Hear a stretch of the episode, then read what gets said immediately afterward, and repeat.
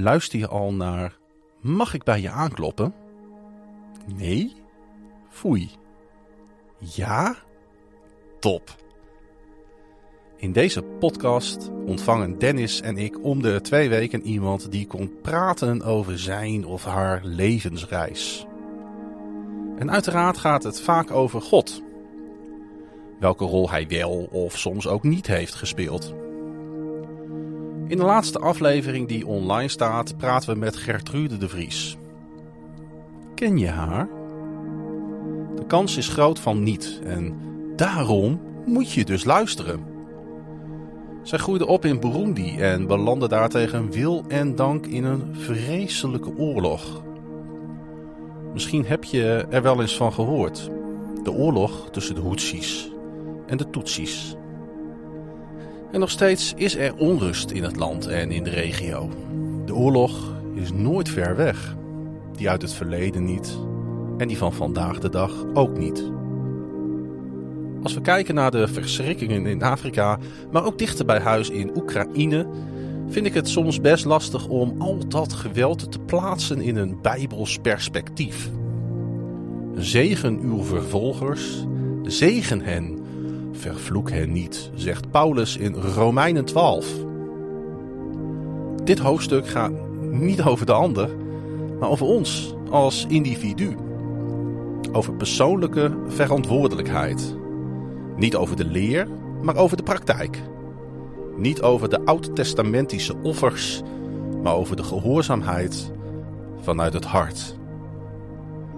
Maar wat is dat soms moeilijk wanneer er diepten van ellende zijn? Gertrude moest in Burundi het leger in. Er werd tegen haar gelogen. En terwijl ze het niet wilde, kreeg ze een wapen in haar handen gedrukt. Haar indrukwekkende verhaal draag ik sinds de opname van onlangs met me mee. Ze vertelde dat ze nooit boos is geweest, ondanks de verschrikkingen die ze meemaakte. Bang?